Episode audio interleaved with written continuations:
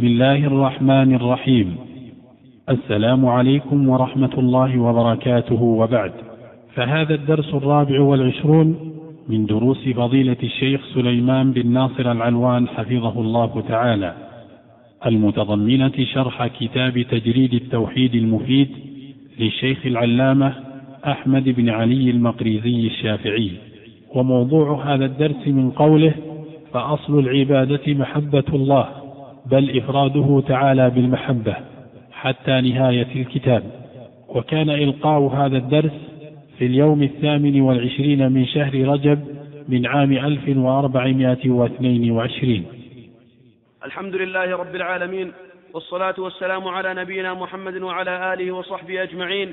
قال المؤلف رحمه الله تعالى فأصل العبادة محبة الله بل إفراده تعالى بالمحبة فلا يحب معه سواه. وإنما يحب ما يحبه لأجله وفيه كما يحب أنبياءه ورسله وملائكته لأن محبتهم من تمام محبته وليست كمحبة من اتخذ من دونه أندادا يحبهم كحبه. وإذا كانت المحبة له هي حقيقة عبوديته وسرها فهي إنما تتحقق باتباع أمره واجتناب نهيه. فعند اتباع الأمر والنهي تتبين حقيقة العبودية والمحبة. ولهذا جعل سبحانه اتباع رسوله صلى الله عليه وسلم علما عليها وشاهدا لها. كما قال تعالى قل إن كنتم تحبون الله فاتبعوني يحببكم الله. فجعل اتباع رسوله مشروطا بمحبته بمحبتهم لله تعالى وشرطا لمحبة الله لهم ووجود المشروط بدون تحقق شرطه ممتنع.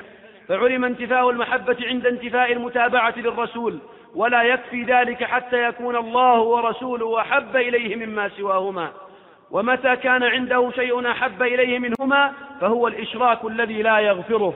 قال تعالى قل إن كان آباؤكم وأبناؤكم وإخوانكم وأزواجكم وعشيرتكم وأموال اقترفتموها وتجارة تخشون كسادها ومساكن ترضونها أحب إليكم من الله ورسوله وجهاد في سبيله فتربصوا حتى يأتي الله بأمره والله لا يهدي القوم الفاسقين وكل من قدم قول غير الله على قول الله أو حكم به أو حاكم إليه فليس ممن أحبه لكن قد يشتبه الأمر على من يقدم قول أحد أو حكمه أو طاعته على قوله ظنا منه أنه لا يأمر.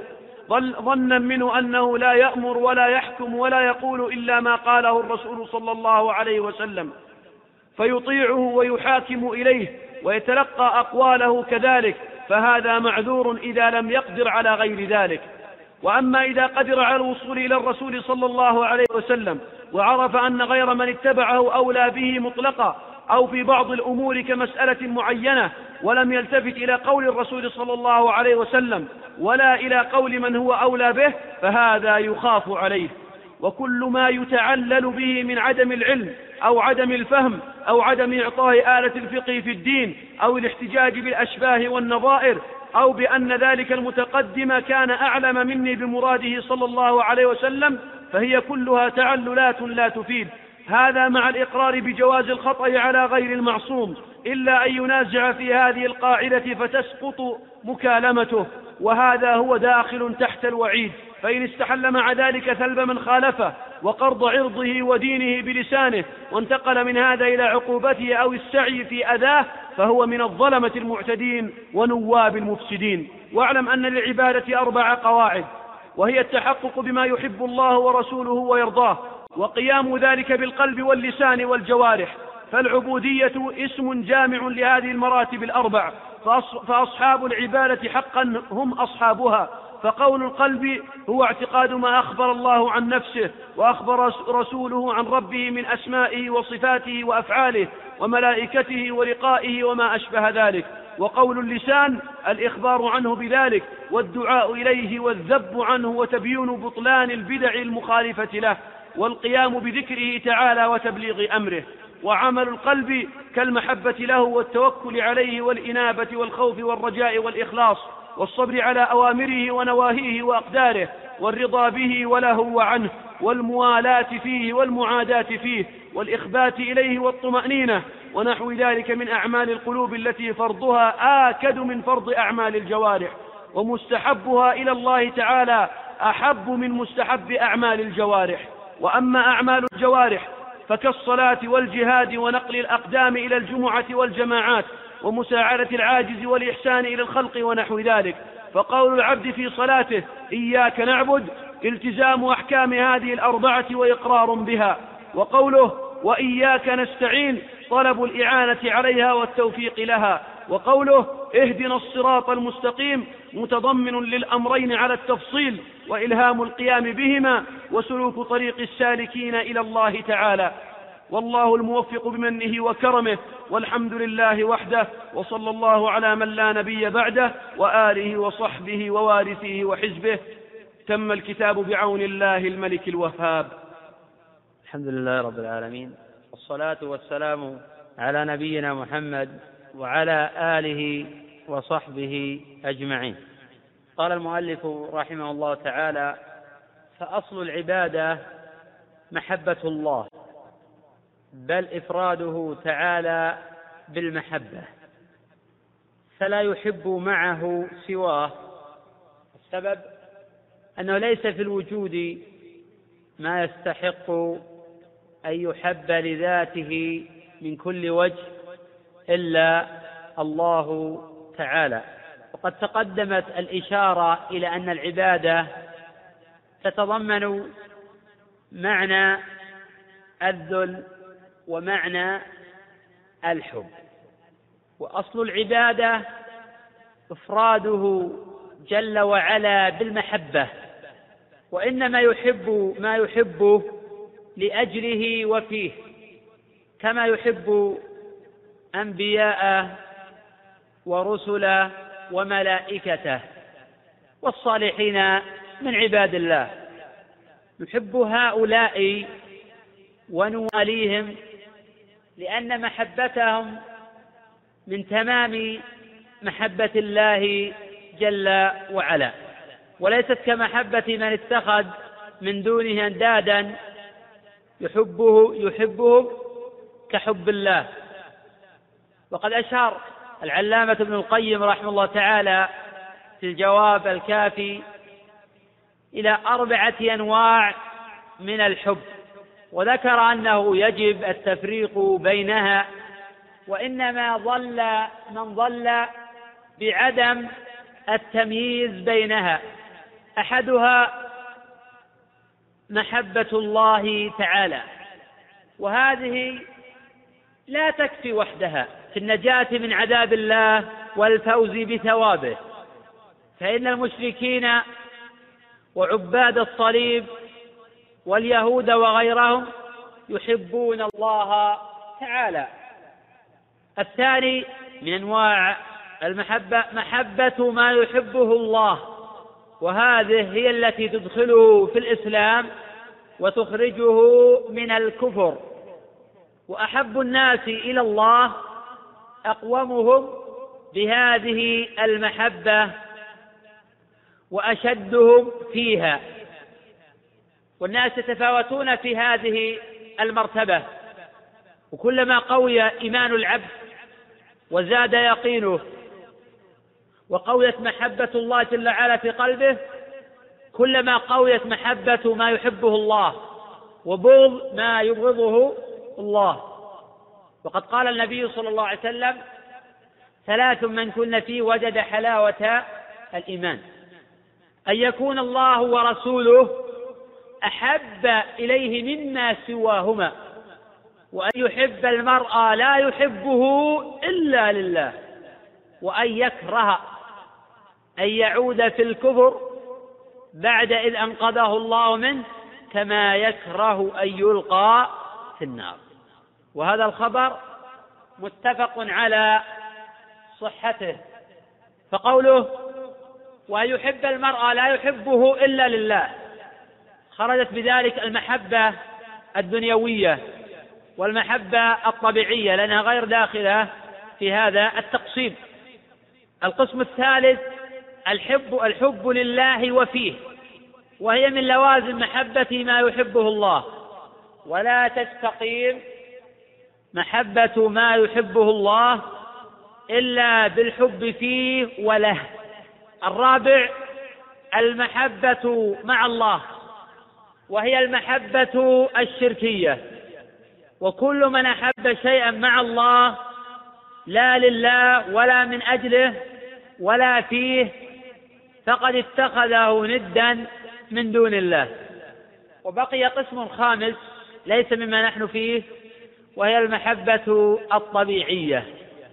وهي ميل الإنسان إلى ما يلائم طبعه كمحبة الزوجة والولد والماء إلى العطشان ونحو ذلك. قال المؤلف رحمه الله وإذا كانت المحبة له هي يجوز الرفع والنصب هي حقيقة عبوديته وسرها. ويجوز أن تقول هي حقيقة عبوديته وسرها. فهي إنما تتحقق باتباع أمره واجتناب نهيه. تقدم قبل قليل بأن أصل العبادة إفراده تعالى بالمحبة.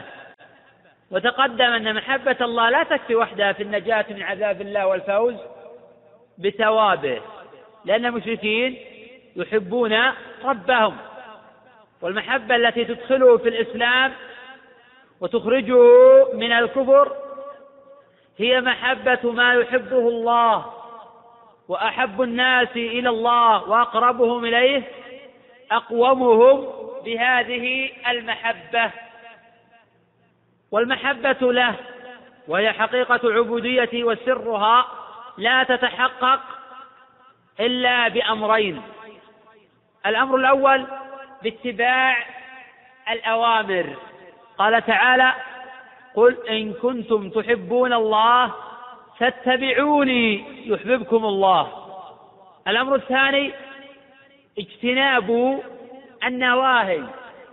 لأنه حين يجتنب النهي محبة لله وخوفا من الله فحينئذ تتحقق العبودية وتتبين حقيقة المحبة. وحين ادعى قوم محبة الله جل وعلا امتحنهم الله جل وعلا بقوله قل إن كنتم تحبون الله فاتبعوني يحببكم الله.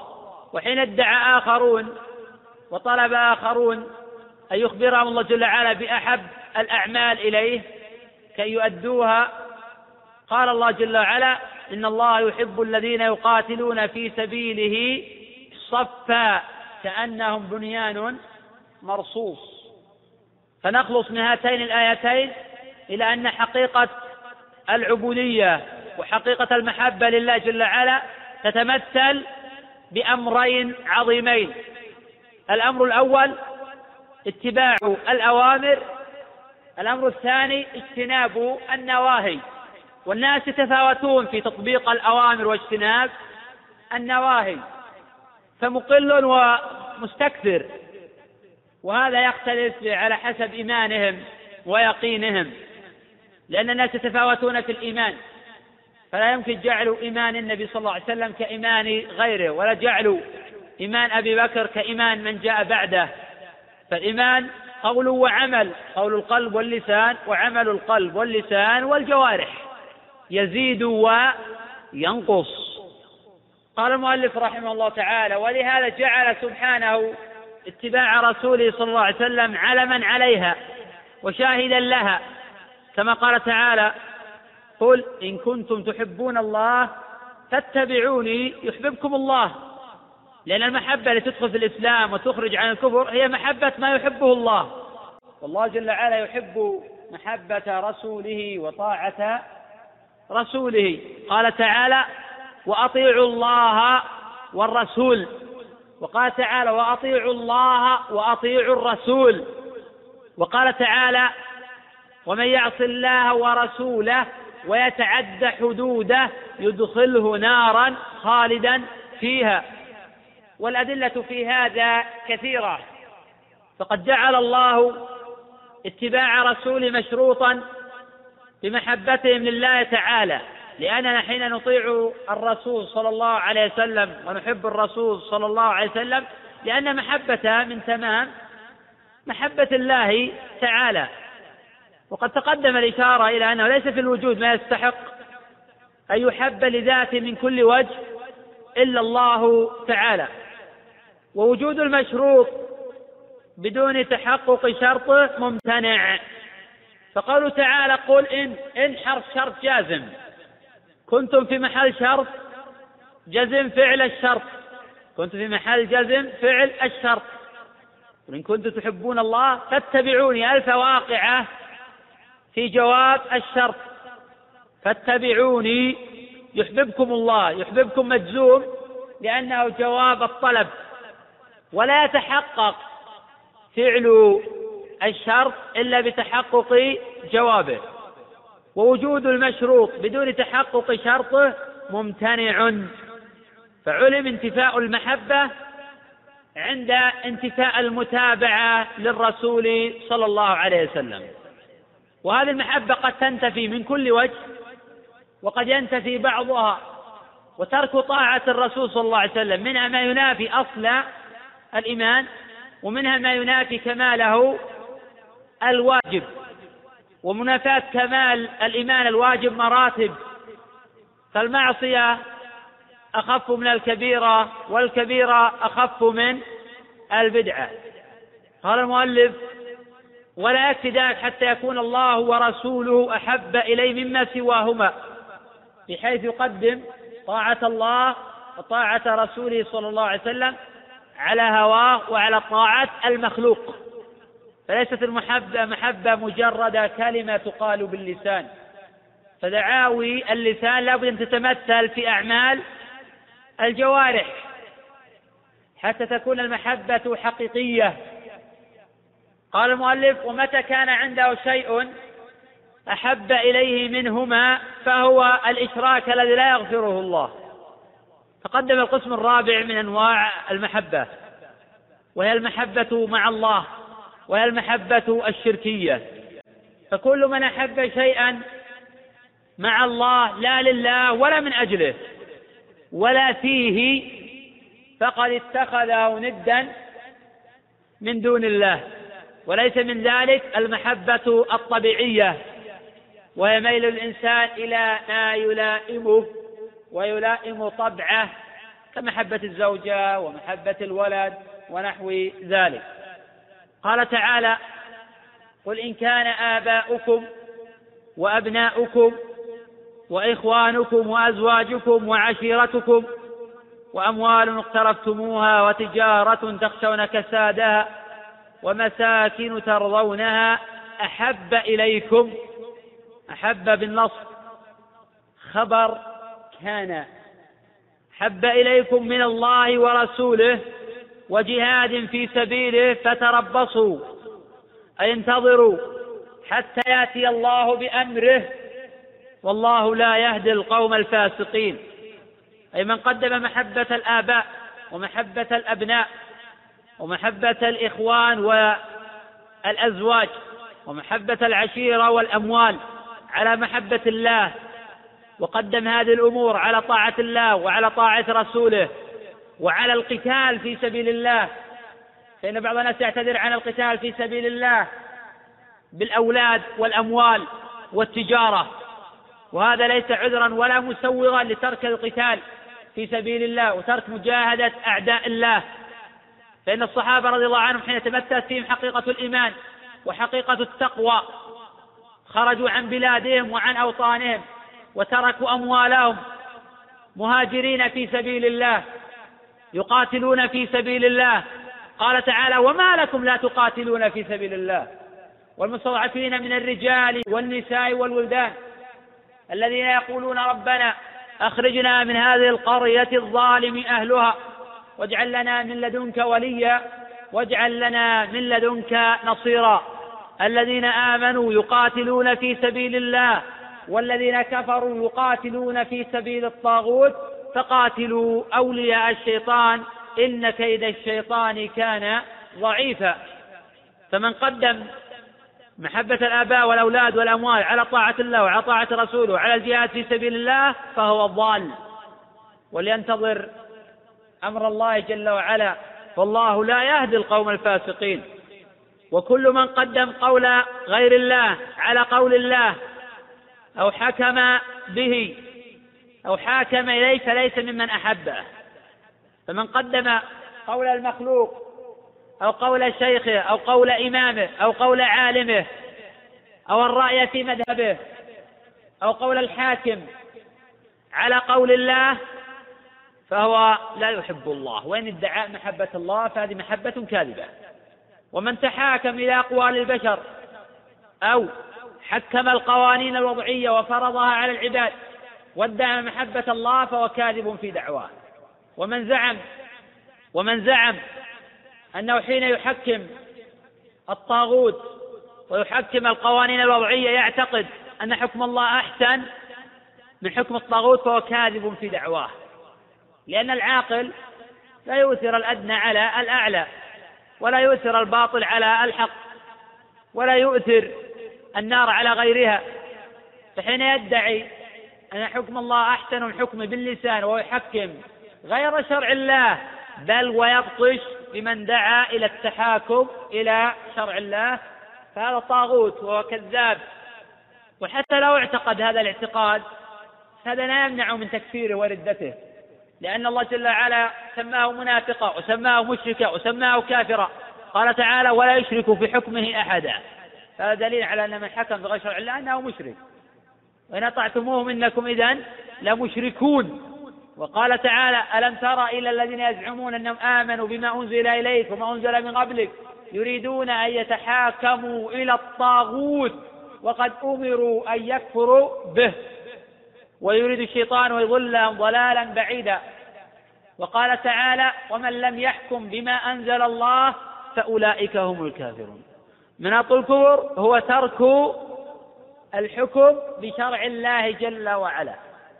فإذا أضاف إلى هذا تنظيم القوانين الوضعية فهذا كفر آخر. وإذا أضاف إلى هذا الحكم بهذا الشرع المبدل فهذه ثلاث مناطات في كفره. المناط الأول ترك حكم الله. المناط الثاني تبديل شرع الله حيث يقنن هذه القوانين الوضعية ويعتاض عن شرع الله بها. الأمر الثالث أن يحكم بهذا الشرع المبدل. وهذا من الكفر الذي لا يختلف فيه اثنان كما ذكره الإمام ابن حزم وحكاه الحافظ ابن كثير رحمه الله تعالى في البداية والنهاية المجلد الثالث عشر. والكفر إذا عرف بالألف واللام فلا يحتمل إلا الأكبر. وقد قال ابن عباس هي كفر وفي رواية هي به كفر. رواه عبد الرزاق عن معمر عن عبد الله بن طاووس عن أبي عن ابن عباس. والأثر المشهور عن ابن عباس كفر دون كفر لا يثبت عنه. فقد رواه الحاكم وغيره من طريق هشام بن حجير عن طاووس عن ابن عباس. وهذا معلول بعلتين. العلة الأولى ضعف هشام بن حجير فهو سيء الحفظ وقد ضعفه أحمد ويحيى وجماعة. العلة الثانية المخالفة فقد رواه عبد الله بن طاووس وهو أوثق من هشام عن أبي مخالفا لما رواه هشام. فيحكم لرواية هشام بالشذوذ. قال المؤلف رحمه الله لكن قد يشتبه الأمر على من يقدم قول أحد أو حكمه أو طاعته على قوله أي على قول الله أو على قول الرسول صلى الله عليه وسلم. ظنا منه أنه لا يأمر ولا يحكم ولا يقول إلا ما قاله الرسول صلى الله عليه وسلم. فيطيعه ويحاكم إليه ويتلقى أقواله كذلك. هذا معذور إذا لم يقدر على غير ذلك. وهذا الباب في تفصيل. فإن من بذل جهده وطاقته ووثق بهذا الشيخ وبهذا العالم لما علم عنه من العلم والصدق مع الله وقول الحق وحينئذ يقدم قوله باعتبار أنه مطيع لله ومحكم لشرع الله. فحينئذ يعتبر هذا معذورا ولو قدم قول العالم على قول الله أو على قول الرسول صلى الله عليه وسلم لأنه يعتقد أن العالم يقول بقول الله وهذا الذي يقدر عليه. لأن ليس له قدرة على النظر في الأدلة الشرعية والموازنة بينها. وهذا محمول على من بذل جهده وطاقته ووثق بهذا الشيخ ويعلم أنه لا يتحاكم إلا إلى شرع الله ولا يقول إلا بالحق. وأما إذا قدر على الوصول إلى الرسول صلى الله عليه وسلم وعرف أن غير من اتبع أولى به مطلقا أو في بعض الأمور كمسألة معينة ولم يلتفت إلى قول الرسول صلى الله عليه وسلم ولا إلى قول من هو أولى به فهذا يخاف عليه. لأن هذا عرف الحق وأعرض عنه متعمدا.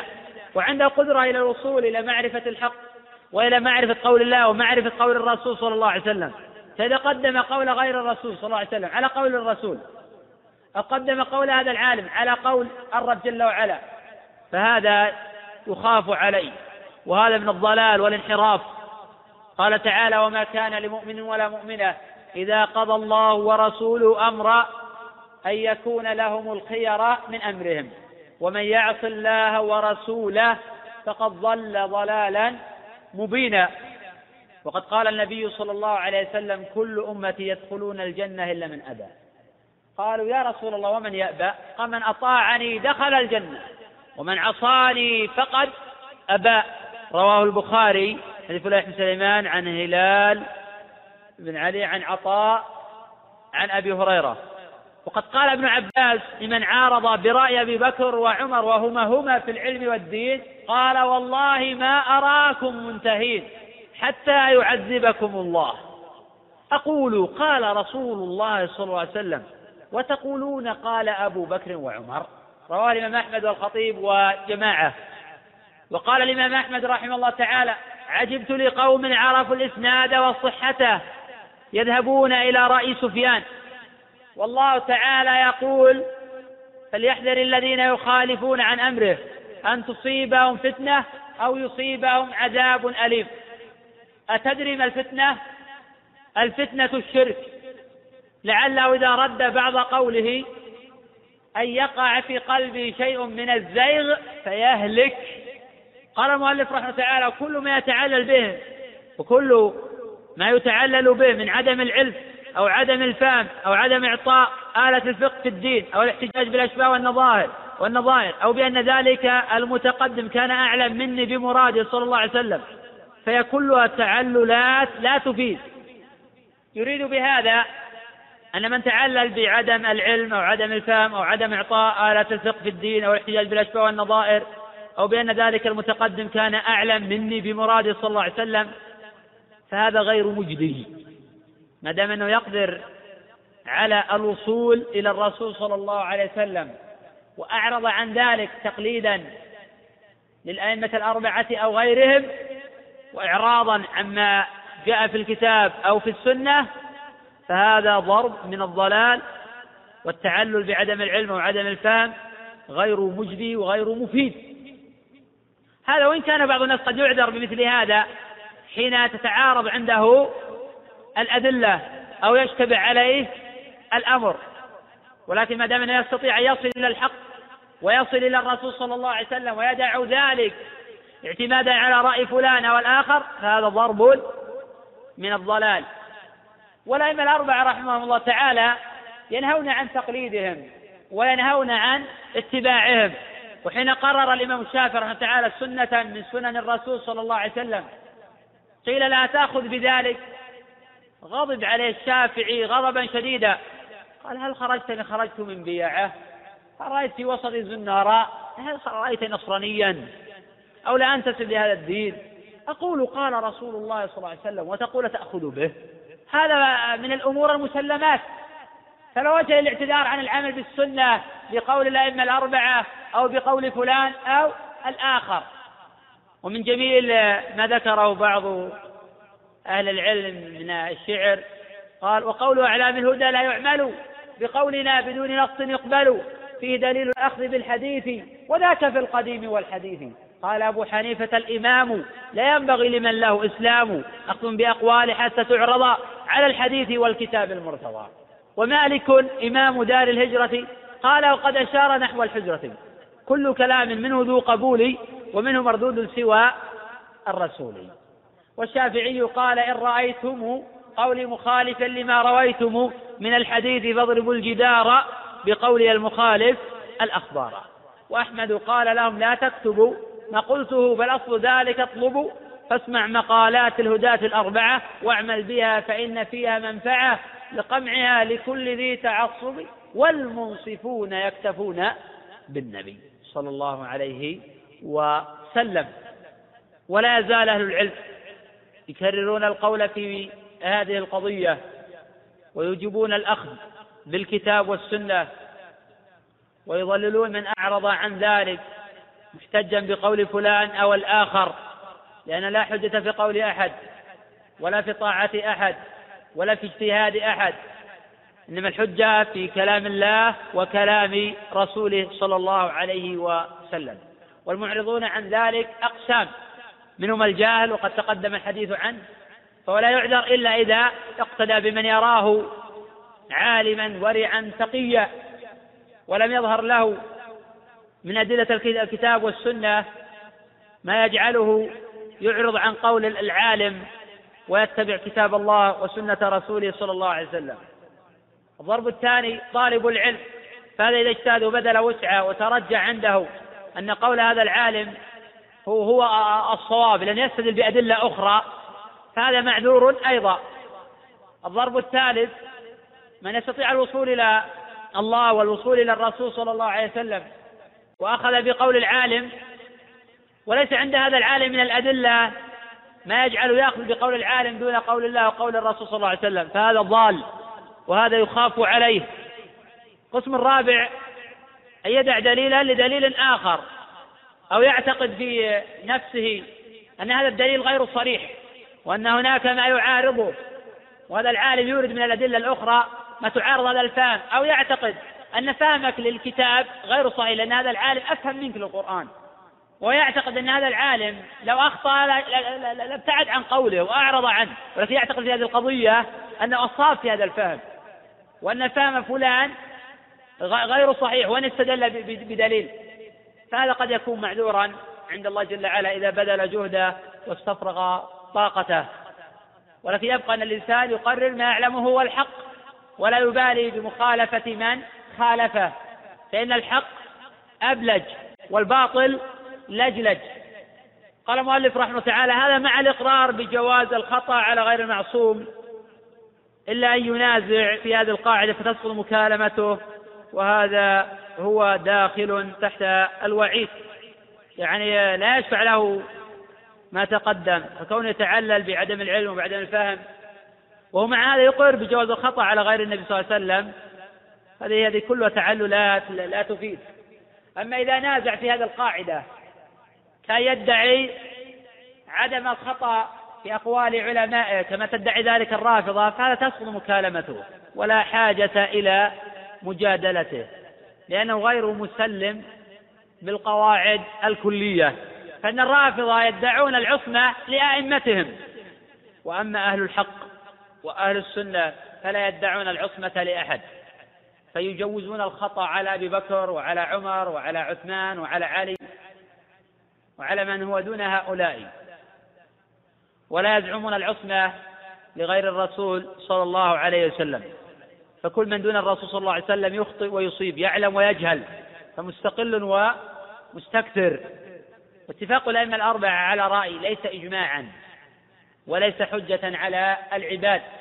فكم من مسألة اتفق المسألة اتفق الأئمة الأربعة على القول بها والصواب مع غيرهم.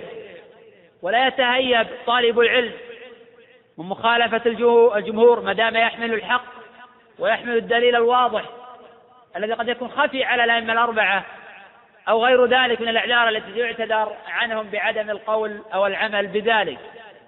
ولكن لا يمكن أن نتعلل بأن الأئمة الأربعة أفهم من فلان لأنه يقال أيضا وهل الأئمة الأربعة أفهم ممن سبقهم؟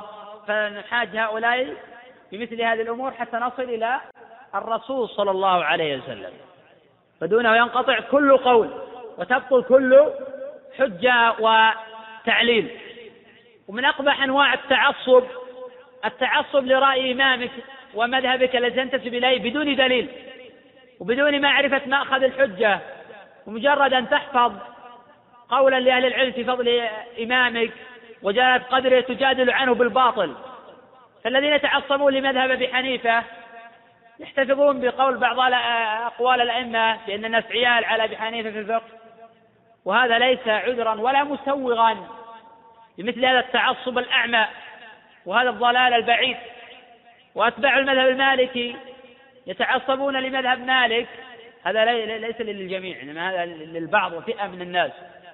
فبعض المنتسبين للمذهب مالك يتعصبون لمذهب مالك بحجة أن مالكا هو الذي عني بقوله صلى الله عليه وسلم يوشك أن يضرب الناس أكباد الإبل فلا يجدون عالما أعلم من عالم المدينة. روى الإمام أحمد الترمذي من طريق ابن جريج عن أبي الزبير عن أبي صالح عن أبي هريرة عن النبي صلى الله عليه وسلم. وقد رجح الإمام أحمد رحمه تعالى وقف هذا الخبر. وأتباع الإمام الشافعي يحتجون يحتجون بأن الشافعي مطلبي وأن الله جل وعلا جمع له بين الفقه والحديث. ويستدلون بحديث قدموا قريشا ولا تقدموها وهذا خبر ضعيف. وأحاديث كثيرة يحتجون بها في هذا الخبر ليست في محل النزاع. وأتباع الإمام أحمد يقولون بأن الإمام أحمد من أعلم الناس بالحديث وبعلله. جمع الله له بين الفقه والحديث ويحفظ من الأحاديث ما لا يحفظ هؤلاء الأئمة. وهذه التعللات لا تفيد. فقد يكون الحق مع أحمد وقد يكون الحق مع الشافعي وقد يكون الحق مع مالك وقد يكون الحق مع أبي حنيفة. حين ننظر في مسألة مس المرأة. فنحن نعلم أن الأئمة الأربعة مختلفون في هذه القضية. فقال أبو حنيفة رحمه تعالى بأن مس المرأة لا ينقض الوضوء مطلقا سواء كان بشهوة أو بغير شهوة. بينما قال الإمام الشافعي بأن مس المرأة ينقض الوضوء مطلقا بشهوة وبدون شهوة. بينما قال مالك إن مس بشهوة انتقض وضوءه وإلا فلا ينتقض الوضوء. وعن أحمد رحمه تعالى روايات ثلاث توافق مذهب كل واحد من هؤلاء الأئمة. والصواب في هذه القضية مع أبي حنيفة رحمه الله. وحين نأخذ في هذه القضية بمذهب أبي حنيفة لا يمنع في المسألة الأخرى نأخذ بالقول الراجح الذي قد يوافق مذهب أحمد في قضية آه، نقض الوضوء من أكل لحم الجزور. فنأخذ هذه القضية في مذهب أحمد. وإن كنا لا ننتسب لمذهب معين ولا نتعصب لمذهب معين فندور مع الحق حيثما دار. وكل إنسان يعيش في بلد يغلب عليه التمذهب لا يعني هذا أنه ينتسب إليهم أو أنه يقلد. فنحن لا ننتسب لمذهب ولا نتعصب لمذهب على آخر. إنما ندور مع الحق حيثما دار على حسب القدرة وعلى حسب الاجتهاد وعلى حسب البحث في النصوص. فكأنه لو كما أنه لو قام رجل الآن وأراد يجمع أقوال أبي بكر وينشي مذهبا لقام عليه الكثير وأنكروا عليه وهو أبو بكر. ولو أن رجل الآن جمع أقوال علي رضي الله عنه وحشدها ونظر عليها واستخرج الأوجه منها وجعل هذا مذهبا أتصور أن الناس يقول عنه بأنه رافضي أو يقول عنه بأنه شيعي وهو علي رضي الله عنه بالعلم والقدر والجلالة. فكيف حين نسوغ للناس أو نأمر الناس باتباع هذه المذاهب وإلزام الناس بها والذي لا يتبعها قد نعتبره ضالا أو جاهلا أو مشوشا أو غير ذلك من الأعذار. العامي صحيح أنه ليس له مذهب مذهبه مذهب مفتيه لكن طالب العلم يتوفر فيه آلة الاجتهاد والقدرة على استخلاص المسائل من مظانها وعنده حفظ أكبر قدر ممكن من الأحاديث. ومعرفة بالفقه وأصوله معرفة باللغة وتوابعها. فهذا يجتهد ولا يقلد أحدا. وإن انتسب لبعض المذاهب فلا يقلدهم.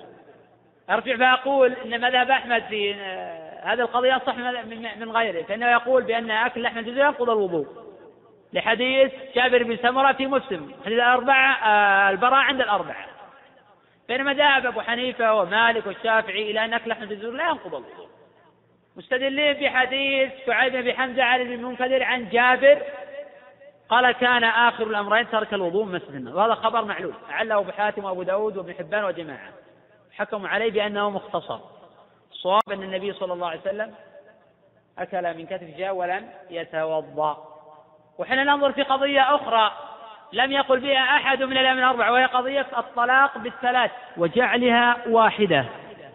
فقد اتفق الأئمة الأربعة كلهم رواية واحدة عن الجميع بأن من طلق زوجته بالثلاث كأن يقول أنت طالق بالثلاث أو أنت طالق البتة فإن المرأة حينئذ تبين منه سواء طلق في الحيض أو طلق في طهر مس فيه أو غير ذلك لا فرق.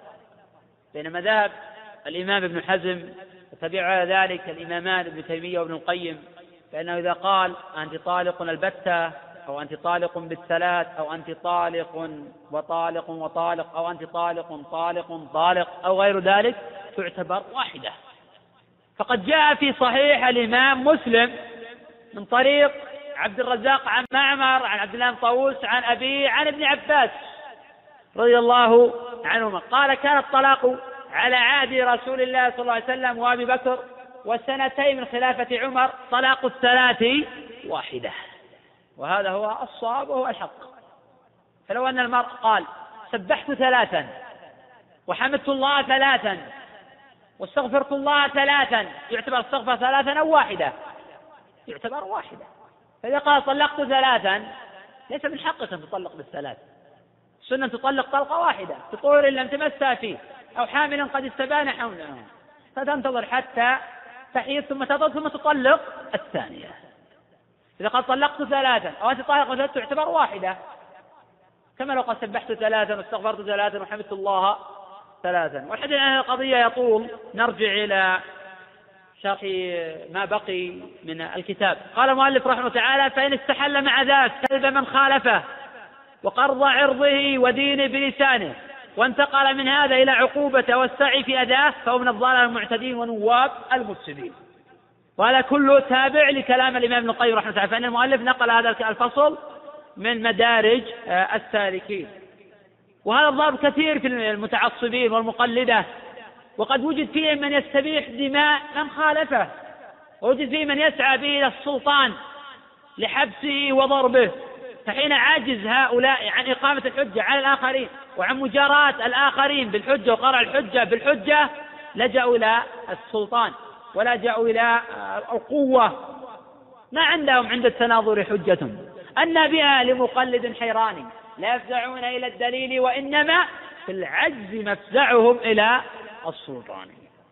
فهذا المقلد الذي يقر بجواز الخطأ على غير المعصوم ولكن يعتذر عن اتباع السنة وعن قبول الحق بعدم العلم أو عدم الفهم. أو عدم إعطاء آلة الفقه في الدين أو الاحتجاج بالأسباب والنظائر أو بأن ذلك متقدم كان أعلم بمراد الرسول صلى الله عليه وسلم فهذا مبطل. وانجمع مع هذه الأمور استحلال عرض من خالفه أو انتقل من هذا إلى عقوبة والسعي في أذاه فهو من الضالة المعتدين ونواب المفسدين. وقد عانى كثير من الأئمة بمثل هؤلاء المقلدة والحساد. وقد أشار إلى هذه القضية ابن القيم رحمه تعالى في النونية حين قال فصل في حال العدو الثاني. أو حاسد قد بات يغلي صدره بعداوتك المرجل الملآن. لو قلت هذا البحر قال مكذبا هذا السراب يكون بالقيعان. أو قلت هذه الشمس قال مباهتا الشمس لم تطلع إلا ذا الآن. أو قلت قال الله قال رسوله غضب الخبيث وجاء بالكتمان أو حرف القرآن عن موضوعه تحريف كذاب على القرآن. وحين أفتى ابن تيمية رحمه تعالى بأن الطلاق الثلاث واحدة وأفتى بأن الرحال لا تشد إلى قبر النبي صلى الله عليه وسلم وأن هذا بدعة. لأن الرحال لا تشد إلا إلى ثلاث مساجد ومع ذلك لا يشد الرحال إليها.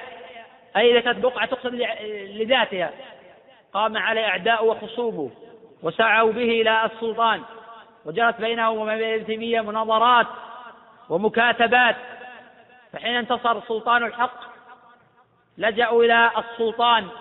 وإلى الحكام وإلى السب والشتم وهذا لا يعجز عنه أحد. وفي عصرنا هذا ألوان وألوان من هذا القبيل. حين يعجزون عن مجاراة أهل الحق وعن إقامة الحجة على الآخرين يلجؤون إلى السب والشتم والسلب واستحلال الأعراض بأنه خارجي أو بأنه يشوش أو بأنه مفسد أو قد يقول عنه بأنه جاهل. أن الكلام رخيص سعره والهذيان مثل هذا لا يعجز عنه أحد. وحين يعجزون عن إقامة مثل هذه الأمور في دنيا الواقع وحين يعجزون عن إقناع الناس بمثل هذه الأمور يسعون به إلى السلطان بأنه يؤلب الناس عليه.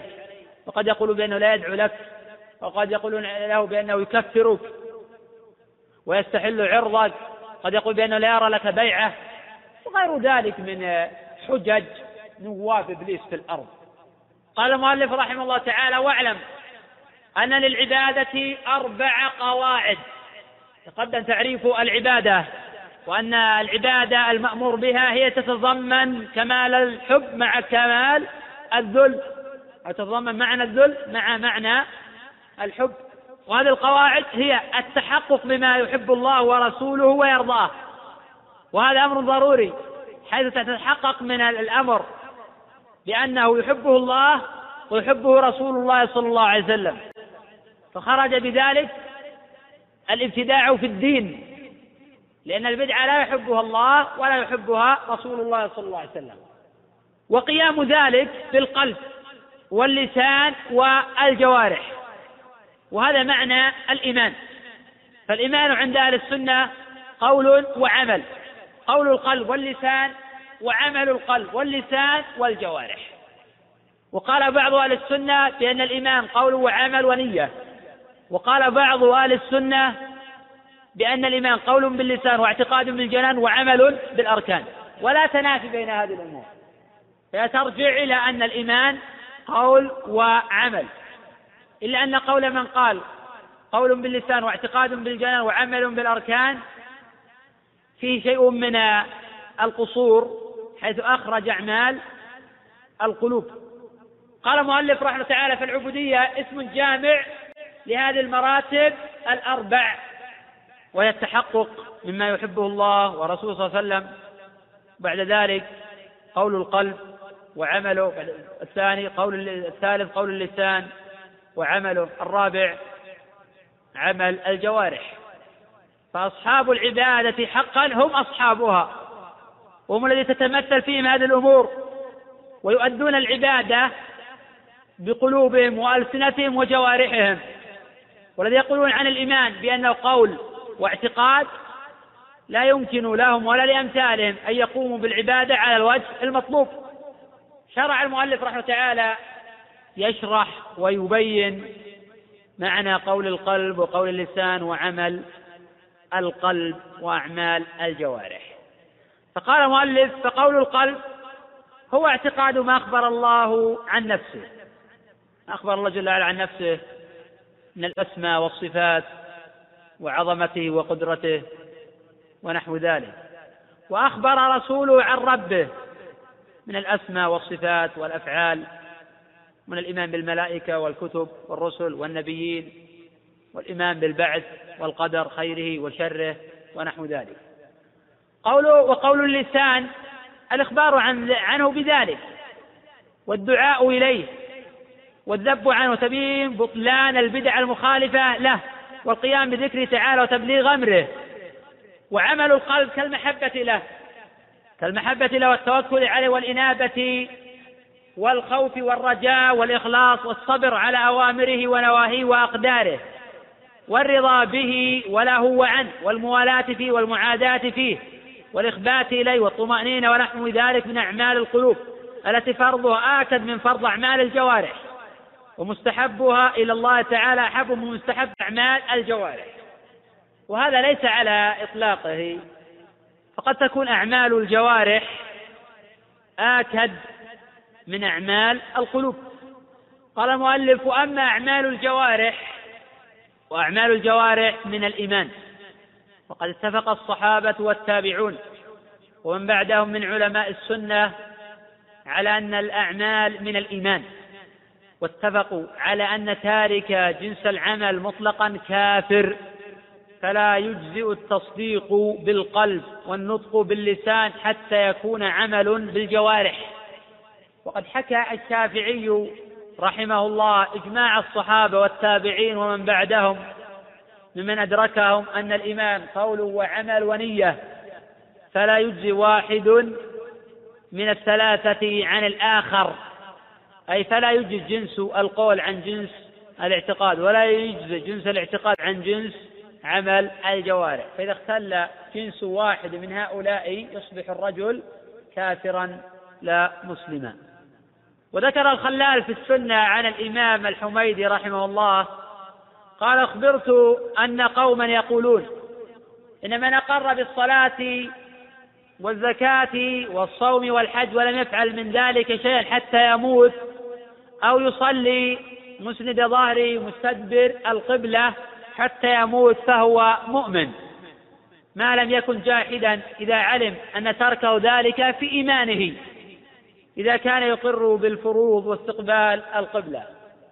فقلت هذا الكفر بالله الصراح وخلاف كتاب الله وسنة رسوله صلى الله عليه وسلم وفعل المسلمين. قال الله عز وجل حنفاء ويقيموا الصلاة ويؤتوا الزكاة وذلك دين القيم. قال حنبل قال الإمام أحمد رحمه الله تعالى من قال هذا فقد كفر بالله ورد على الرسول صلى الله عليه وسلم ما جاء به. وقال سفيان بن عيينة رحمه الله تعالى المرجئة سموا ترك الفرائض ذنبا بمنزلة ركوب المحارم وليس سواء لأن ركوب المحارم متعمدا من غير استحلال معصية وترك الفرائض من غير جهل ولا عذر هو كفر. وبيان ذلك في أمر آدم وإبليس وعلماء اليهود الذين قربوا ببعثة النبي صلى الله عليه وسلم بلسان ولم يعملوا بشرائعه. وقال إسحاق غالت المرجئة حتى صار من قولهم إن قوما يقولون من ترك الصلوات المكتوبات وصوم رمضان والزكاة والحج وعامة الفرائض من غير جحود الله لا نكفره يرجع أمره إلى الله. إذ هو مقر. فهؤلاء الذين لا شك فيهم أنهم مرجئة. وأعمال الجوارح كثيرة. كالصلاة والجهاد. وكبر الوالدين وصلة الأرحام ونقل الأقدام إلى الجمعة والجماعات والقيام على العاجز والإحسان إلى الخلق. وقد جاء في الصحيحين من طريق شعبة قال أخبرني الوليد بن العيزار قال سمعت أبا عمرو الشيباني عن عبد الله بن مسعود قال سألت النبي صلى الله عليه وسلم أي العمل أحب إلى الله؟ قال الصلاة على وقتها. قال ثم أي؟ قال بر الوالدين. قال ثم أي؟ قال الجهاد في سبيل الله. فهذه جملة من الأعمال. ولا يعني هذا أن من ترك عملا أصبح كافرا. لأن ترك الأعمال منها ما ينافي أصل الإيمان كترك الصلاة. فقد أجمع الصحابة على كفر تارك الصلاة. حكى إجماعهم العقيري وإسحاق وجماعة من الأئمة. ومن الأعمال ما ينافي تركه الإيمان الواجب ولا ينافي أصل الإيمان. كترك بر الوالدين وصلة الأرحام ونحو ذلك مما يعتبر كبيرة من الكبائر. قال المؤلف رحمه تعالى فقول العبد في صلاته إياك نعبد التزام أحكام هذه الأربعة وإقرار بها.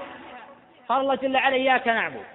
تقدم قول بعض السلف حين ذكر إنزال الكتب قالوا قد جمع الله علم هذه الكتب في القرآن وعلم القرآن في الفاتحة وعلم الفاتحة في قوله تعالى إياك نعبد وإياك نستعين إياك نعبد التزام بأن لا تعبد الله إلا بما شرع على ألسن رسله والتزام بالعبودية المتمثلة بقول اللسان وعمله وعمل القلب واللسان والجوارح. وقوله وإياك نستعين طلب الإعانة عليها والتوفيق لها. فإنه لا يمكن أداء هذه العبادات إلا بالاستعانة بالله والتوكل عليه. وقوله اهدنا الصراط المستقيم متضمن للأمرين على التفصيل. اهدنا أي دلنا وأرشدنا. الصراط أي الطريق المستقيم الذي لا اعوجاج فيه. وطريق من أنعم الله عليهم من النبيين والصديقين والشهداء والصالحين. وكل شيء أمر الله جل وعلا به فهو عبادة. وهو معنى إياك نعبد. والتوكل مقرون بالعبادة. قال تعالى فاعبده وتوكل عليه. وقال قل هو ربي. لا إله إلا هو عليه توكلت وإليه متاب. وقال تعالى عن شعيب عليه توكلت وإليه أنيب.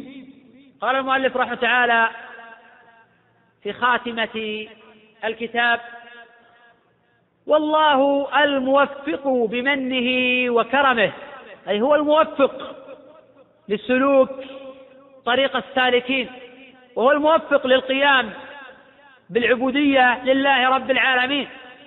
وهو الموفق لتأليف هذا الكتاب وجمعه. فله المنة. فهو أجود الأجودين وأكرم الأكرمين. ولا حول ولا قوة إلا بالله رب العالمين. ثم ختم المؤلف الكتاب بقوله والحمد لله وحده. بدليل قوله تعالى وقضي بينهم بالحق وقيل الحمد لله رب العالمين. وقال تعالى في آخر سورة الصافات سبحان ربك رب العزة عما يصفون وسلام على المرسلين والحمد لله رب العالمين. فيشرع ختم الأعمال بالحمدلة وصلى الله على من لا نبي بعده. قال تعالى ولكن رسول الله وخاتم النبيين وآله وهم أهل بيته ويدخل في ذلك أزواجه وصحبه. الصحابي هو من لقي النبي صلى الله عليه وسلم مؤمنا به ومات على ذلك ولو تخللت ردة في أصح قولي العلماء. ووارثيه وحزبه. نسأل الله جل وعلا يجعلنا من حزبه. تم الكتاب بعون الله الملك الوهاب. الملك أي النافذ الأمر في ملكه. وقيل احتواء الشيء والقدرة على التصرف في الشيء بلا ممانعة ولا مدافعة.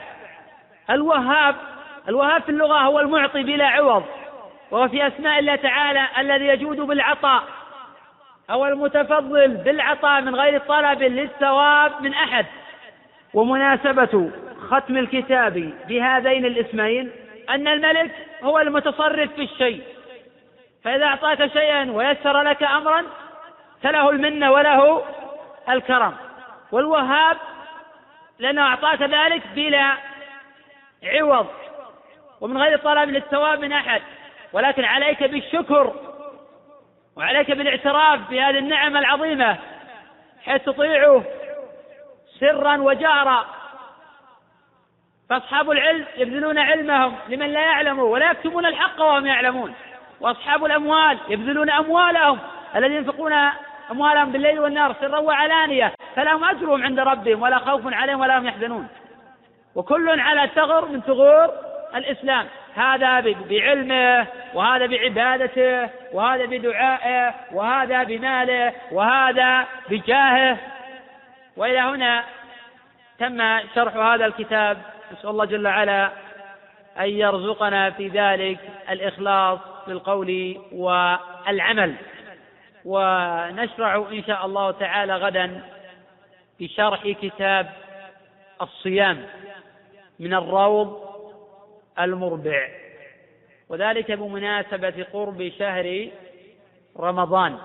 وبعد ذلك إن شاء الله تعالى نواصل شرح بقية الدروس في البخاري والترمذي ونحو ذلك. والله أعلم. وصلى الله وسلم على نبينا محمد وعلى آله وصحبه أجمعين. نعم. هذا الأمر مراتب. تقديم طاعة الآباء والإخوان والزوجات والأموال على طاعة الله وطاعة رسوله صلى الله عليه وسلم مراتب. منه ما هو كفر أكبر.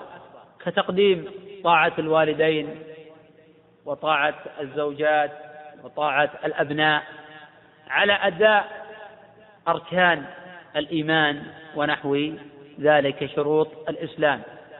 حيث يتعارض عنده أداء الصلوات الخمس وطاعة الوالدين فإذا أمره والده ألا يصلي الصلوات الخمس مطلقا أو شغله ماله عن القيام بهذه الصلوات الخمس مطلقا أو قدم محبة أحد على القيام بهذه الصلوات الخمس مطلقا. فيعتبر حينئذ كافرا. دون هذا مرتبة يصل فيها العبد إلى حد الفسق ولا يصل إلى حد الكفر. كأن يقدم ماله أو طاعة زوجته على بر والديه. يعتبر حينئذ فاسقا ولا يعتبر كافرا. كثيرا ما أقرر لكم لا يلزم من الحكم على النوع الحكم على العين. فقول الأخ نحكم عليه بالفسق لا يعني هذا نقول عنه بأنه فاسق. نقول من فعل كذا وكذا فهو فاسق.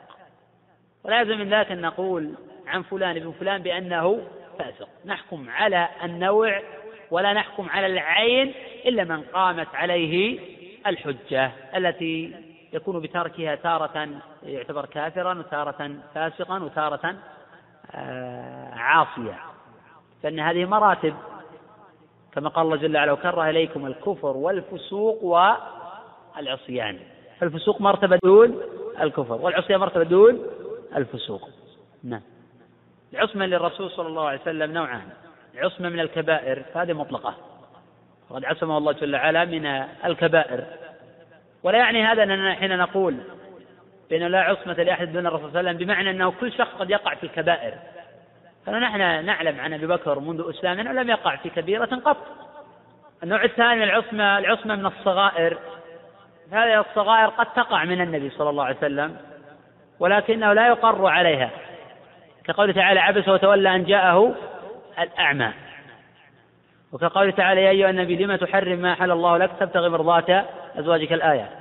كقوله تعالى تخفي في نفسك ما الله مبديه. وغير ذلك من الأدلة. لكن لا يقرون عليه ويوفقون للتوبة والإنابة والرجوع عن ذلك. فإذا قيل أن العصمة للرسول صلى الله عليه وسلم من الصغائر باعتبار أنه لا يستمر عليها فهذا صحيح. إذا قيل باعتبار أن لا تقع منه أصلا فهذا غلط.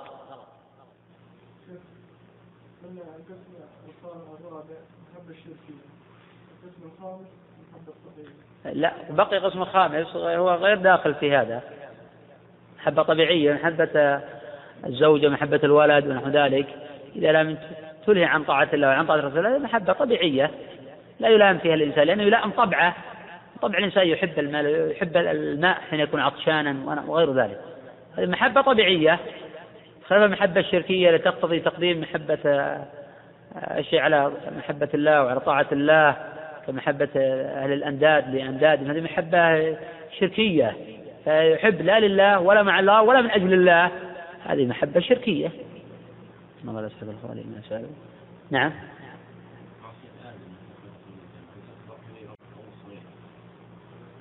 وعاصى آدم ربه فغوى. آه، آدم طبعا معروف أنه أكل من الشجرة. آدم عليه وعلى نبينا الصلاة والسلام معلوم أنه أكل من الشجرة. حين نهى الله جل وعلا عن الأكل من الشجرة. فيعتبر عمله معصية لله جل وعلا وندم على ذلك وتاب واعترف بذنبه. لكن هل نعتبر عصيان آدم لربه حين أكل كبيرة من الكبائر أو صغيرة من الصغائر؟ ارتكاب النهي تارة يكون كبيرة وتارة يكون صغيرة. على خلاف بين أهل العلم في تحديد ضابط الكبيرة. والأشهر أن الكبيرة ما ختم بغضب أو لعنة أو وعيد شديد أو ما ترتب على ذلك حد. ولم يرد في نهي آدم إلا مجرد النهي. لم يرد في القرآن ولا في السنة أن من أكل الشجرة فحكم كذا وكذا. يترتب عليه وعيد شديد. ولكن الذي جاء في القرآن أنه عصيان للرب جل وعلا. وسواء قلنا هذا أو ذاك فهو قد تاب إلى ربه واعترف بذنبه. ولكن إذا قلنا بأن هذا العمل كبيرة كيف نوفق بين هذا وبين قول أهل السنة وعامة العلماء بأن الأنبياء معصومون من الكبائر؟ فقد يقال معصومون في الجملة ولا ينافي وقوع بعض الأفراد وقد يقال ولعله قول قوي جدا بأن هذا ليس من الكبائر. لكن اللي يرد في إشكال ونحتاج إلى جواب عنه القصة المشهورة المذكورة في كثير من كتب العلماء والتفاسير حين حملت حواء وأتى إليه الشيطان وأمر وأمرها وآدم أن يسمياه عبد الحارث فأبى يطيعه فخرج ميتا. ثم أتى مرة ثانية فخرج ميتا إلى الثالثة قال تطيعاني أو لأجعلن له قرني أيل. فوافق على ذلك. هذه القصة ضعيفة. ولا تصح بوجه من الوجوه. ولم يرد لها إسناد يمكن الاحتجاج به. وهي باطلة من وجوه. الوجه الأول أن هذا الذنب أكبر من ذنب الأكل من الشجرة. لأن هذا الذنب سمي شركا. وجنس الشرك أكبر من جنس الكبائر. ولم يذكر ربنا في القرآن ذنبا لآدم إلا الأكل من الشجرة. ولا يمكن ذكر الأدنى وترك الأعلى. الوجه الثاني أن هذا مخالف للقرآن. وثالث أنه مخالف للنصوص الصريحة الثابتة في هذا الباب. الوجه الرابع أن هذا شرك وقول من قال شركاء جعل شركاء فيما أتاهم وفتعالى الله عنهم شركاء في طاعته ولم يكن في عبادته فشرك الطاعة يعتبر شركا. هذه الآية الصحيح جعل شركاء فيما آتاهما في جنس الإنسان أو في اليهود والنصارى كما قاله طائفة من أهل العلم. وكون هذه الآية نزلت في آدم وحواء في نظر ولا يصح ذلك. فعلى على هذا الاعتبار من أوحي إليه من الأنبياء ومن الله عليه جل وعلا بالنبوة فلا يقع منه كبيرة من الكبائر. وذلك بعد النبوة.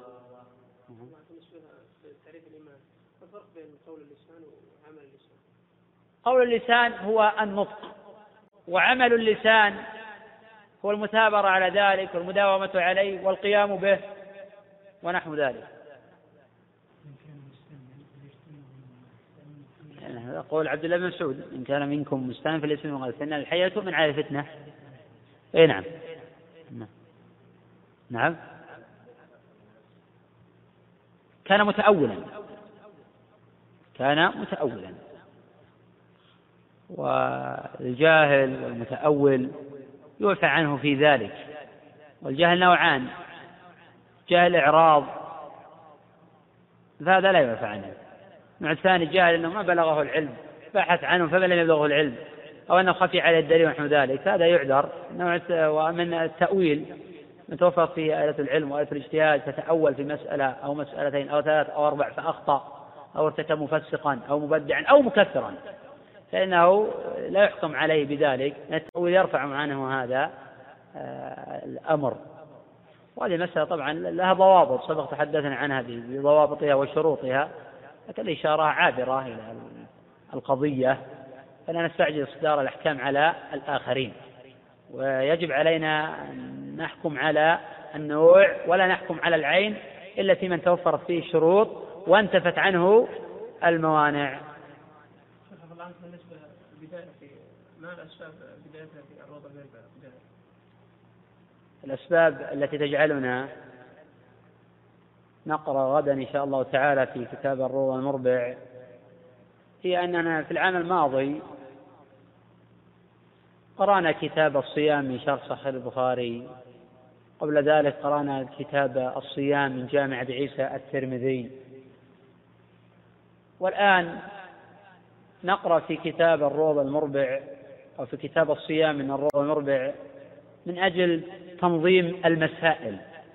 والانتقال من مسألة إلى أخرى.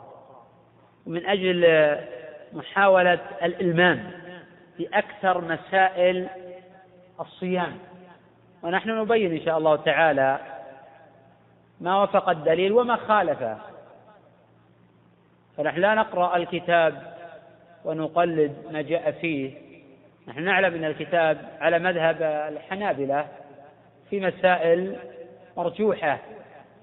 فنحن حين نقرأ نبين إن شاء الله تعالى الراجح من المرجوح.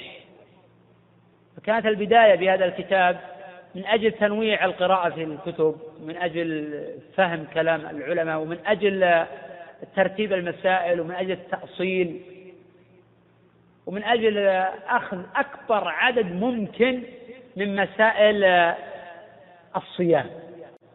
فهذا سبب من الأسباب التي تجعلنا نبدأ غدا إن شاء الله في الروض المربع والله أعلم.